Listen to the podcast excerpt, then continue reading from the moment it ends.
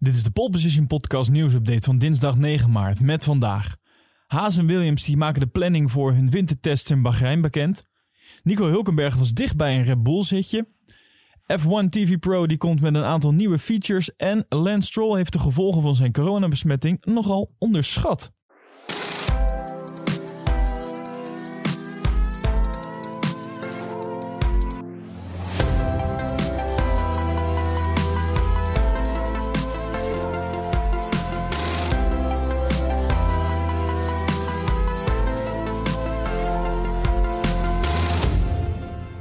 Haas en Williams die hebben de planning voor de wintertestdagen in Bahrein eh, gepresenteerd. Vanaf vrijdag krijgen eh, alle teams eh, drie collectieve testdagen voorafgaand aan het Formule 1 seizoen. En ja, iedere actiedag op het Bahrein International Circuit is opgesplitst in eigenlijk twee delen. Je hebt een deel voor de pauze en een deel na de pauze. En elke is dan zo'n vier uur. En uh, de verdeling van de tijd onder die coureurs, dat mogen de teams zelf bepalen. Zo hoorden we eerder al dat uh, de verdeling bij Red, uh, Red Bull onder andere gaat zijn dat Max zal beginnen en eindigen. En nu hebben ook Williams en Haas hun planning bekendgemaakt. En daar vallen een aantal dingen bij op. Namelijk dat bij Williams uh, testrijder Roy Nissani een volledige dag krijgt achter stuur van, van de FW43B. Wat betekent dat ja, de tijd voor de reguliere coureurs, hè, dus George Russell en Nicolas Latifi, ja, flink wordt beperkt. Nissani zal de hele vrijdag voor zijn rekening nemen. En ja, de reden hiervoor lijkt toch wel uh, te zijn de zakgeld die hij meebrengt naar Williams. Nou, um, wat dus betekent dat George Russell en Nicolas Latifi dus maar allebei één dag krijgen om te testen. En dat is, ja, gezien het feit dat er al flink minder testdagen zijn, is het best wel weinig. Nou, Latifi die zal zaterdag gaan rijden en Russell zal de test uh, op zondag gaan doen. En Haas die kiest ervoor om beide coureurs iedere dag kilometers te laten rijden. Dat uh, gebeurt uh, overigens pas nadat de VF21 officieel wordt gepresenteerd. Uh, we hebben natuurlijk wel de livery gezien, hè, en, en, maar van een best wel een bijzondere kleurstelling. Denk aan de, Russische vlag en het hele nou, schandaal. Soort van schandaal eromheen. Maar in ieder geval aanstaande vrijdag uh, trekt de Haas om half zeven ochtends Nederlandse tijd de doek van de nieuwe bolide af. En dan gaan ze daarna om acht uur beginnen met testen. En Mick Schumacher die zal dan het spits afbijten. Die zal dan de ochtend voor zijn rekening nemen. Dus dat is van 8 tot 12. Nou, daarna mogen ze even gaan lunchen. En dan uh, zal in de middag Nikita Mazepin uh, voor het eerst in de bolide gaan stappen. En op zaterdag is bij hun dan de volgorde precies omgedraaid. Dan zal Mazepin beginnen en, zal Schumacher eindigen. En de zondag wordt dan weer omgedraaid. En dan mag Schumacher weer beginnen en zal Mazepin eindigen. Gunther Steiner die zegt hierover... Aan de ene kant wordt deze test makkelijker omdat de auto veel weg heeft van die van vorig jaar. Aan de andere kant hebben we met Mick en Nikita wel twee rookies. Wat het doel met beide coureurs is, we willen vooral zoveel mogelijk ronden draaien en zoveel mogelijk data verzamelen over de nieuwe onderdelen en de aangepaste vloer. De tijd is beperkt, dus we moeten het er echt het maximale uithalen. Al dus teambaas Gunther Steiner. Dan Nico Hulkenberg. Die uh, was naar eigen zeggen uh, afgelopen zomer heel dicht bij een zitje bij Red Bull Racing. Maar ja, hij moest dus uiteindelijk afleggen tegen Sergio Perez. Die uh, dus komend seizoen zal uitkomen voor Red Bull naast Max Verstappen. Ja, en momenteel is uh, Nico Hulkenberg dan in gesprek met Mercedes om daar dan als reservecoureur uh, aan de slag te gaan. Nadat Esteban Ocon terugkeerde bij het team van Renault, uh, betekende dat voor Hulkenberg een vertrek uit de Formule 1. En was er dus geen stoeltje voor hem bij een ander team beschikbaar. En dat betekent dus dat hij vorig jaar niet meer meedeed in de Formule 1. Maar gedurende dat seizoen keerde hij uiteindelijk toch terug met een aantal invalbeurten bij Racing Point. En ja, deze uh, invalbeurten die waren niet onverdienstelijk. Daarmee gaf hij eigenlijk een heel mooi visitekaartje af. En dat zorgde meteen voor interesse bij uh, verschillende teams. Nou, en inmiddels is bekend geworden dat uh, met name Red Bull Racing interesse had om Nico Hulkenberg aan zich te binden. Hulkenberg die vertelt nu zelf dat het lange tijd de goede kant op bleek te gaan. Hij zegt, we hebben gesprekken gevoerd met Helmoet Marco en het zag er relatief goed uit in de zomer en de herfst. Ja, maar tegen het einde van het seizoen, toen Perez echt goed begon te rijden, voelde ik uh, dat de tij begon te keren.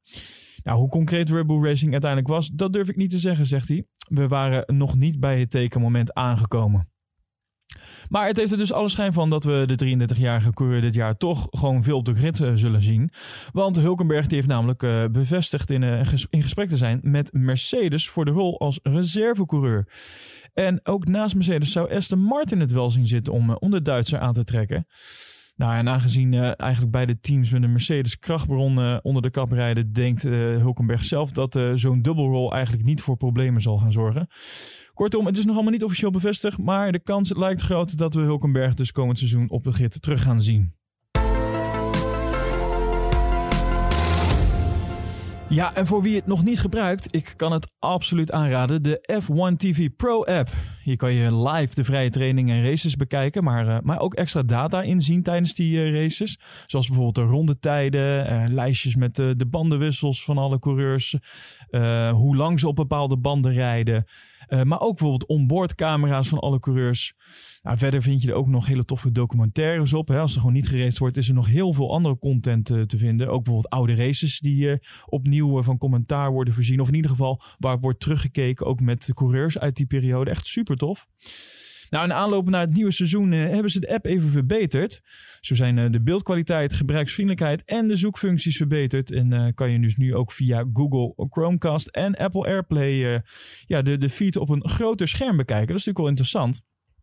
Nou, de beeldsnelheid van alle live feeds die is nu 180 pixel, of 1080 pixels. En dit is dus verdubbeld ten opzichte van de oude snelheid. En iedere live sessie kun je dus nu ook op pauze zetten en terugspoelen naar belangrijke momenten. En je kan ook eenvoudig wisselen tussen bordcamera's uh, en het pitlane kanaal en de live tijden. Nou, ik maak er zelf al uh, echt een paar seizoenen met veel plezier gebruik van. Dus ik kan je zeker aanraden om even te kijken of je een abonnement hierop kan afsluiten. Uh, en dat, als je dat doet, dan kan je bijvoorbeeld ook al gelijk de wintertests van komende vrijdag tot, tot en met zondag helemaal live meekijken. Kortom, nou, wat mij betreft reden genoeg om, om een abonnementje af te sluiten. Het is overigens geen sponsoring, maar ik ben er gewoon vrij enthousiast over. Dan Lance Stroll, die heeft de afgelopen seizoen een uh, coronabesmetting opgelopen, zoals we allemaal weten. En uh, Stroll kon daardoor niet meerijden tijdens de Grand Prix op de Nürburgring. Hij werd daar vervangen voor, uh, ja, eerder besproken al, Nico Hulkenberg. Nou, na een negatieve test kon Lance wel weer terugkeren in Portugal. Nou, in die race dat was niet echt een succes voor hem. was een flinke worsteling. Hij moest na een aanrijding zelfs opgeven. En eindigde vervolgens op Imola ook nog een keer buiten de punten. Dus dat was niet een hele goede terugkeer. En hij heeft dus nu onthuld dat de fysieke tol van het virus toch wel erg zwaar was. Hij zegt uh, erover. Dankzij COVID-19 kon ik de Eiffel Grand Prix niet uh, rijden. En ook de twee races daarna heeft het best nog wel wat invloed gehad. Ehm, ik had geen energie, voelde me fysiek niet goed en ook mentaal was het lastig. Ik denk dat ik onderschat heb hoeveel invloed het virus op me zou hebben. Dat heeft me fysiek wel een paar races parten gespeeld. Nou, Stroll die pakt uiteindelijk in Turkije op uh, best wel spectaculaire wijze zijn pole position. En daarmee was zijn vorm toch ook wel weer terug. Maar toch baalt uh, de Canadees nogal flink uh, van, het, van het vormdipje wat hij had halverwege het seizoen. met daarbij ook dus de flinke crash ook in Mugello. veel punten voor hem en voor het team zijn daardoor ook verloren gegaan. En Racing Point die moest uiteindelijk dus de derde plaats bij de constructeurs aan McLaren overlaten.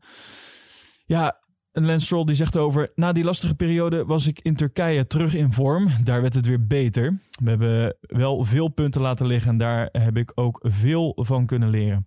Het is positief dat we het seizoen zo goed hebben afgesloten, maar ik denk dat de concurrentie tegen het einde van het jaar ook veel sterker was. Het was zeker niet hetzelfde als in het begin van het seizoen, toen we soms met beide auto's op de vierde en vijfde plaats reden. Soms zelfs nog beter. Het spel veranderde. De competitie tussen de teams werd spannender en dat gaat dit jaar ook weer zo zijn. Het middenveld is heel competitief en daar moeten we op inspelen en hard werken. Aldus Lance Stroll. En voor meer nieuws en feitjes ga je naar ons Instagram-account @polepositionnl. Vergeet je niet te abonneren op onze podcast via jouw favoriete podcast-app om op de hoogte te blijven van het laatste nieuws over de Formule 1. En vind je deze updates nou leuk en wil je ons financieel steunen? Kijk dan even op petje.af slash poleposition voor alle mogelijkheden en leuke bonussen.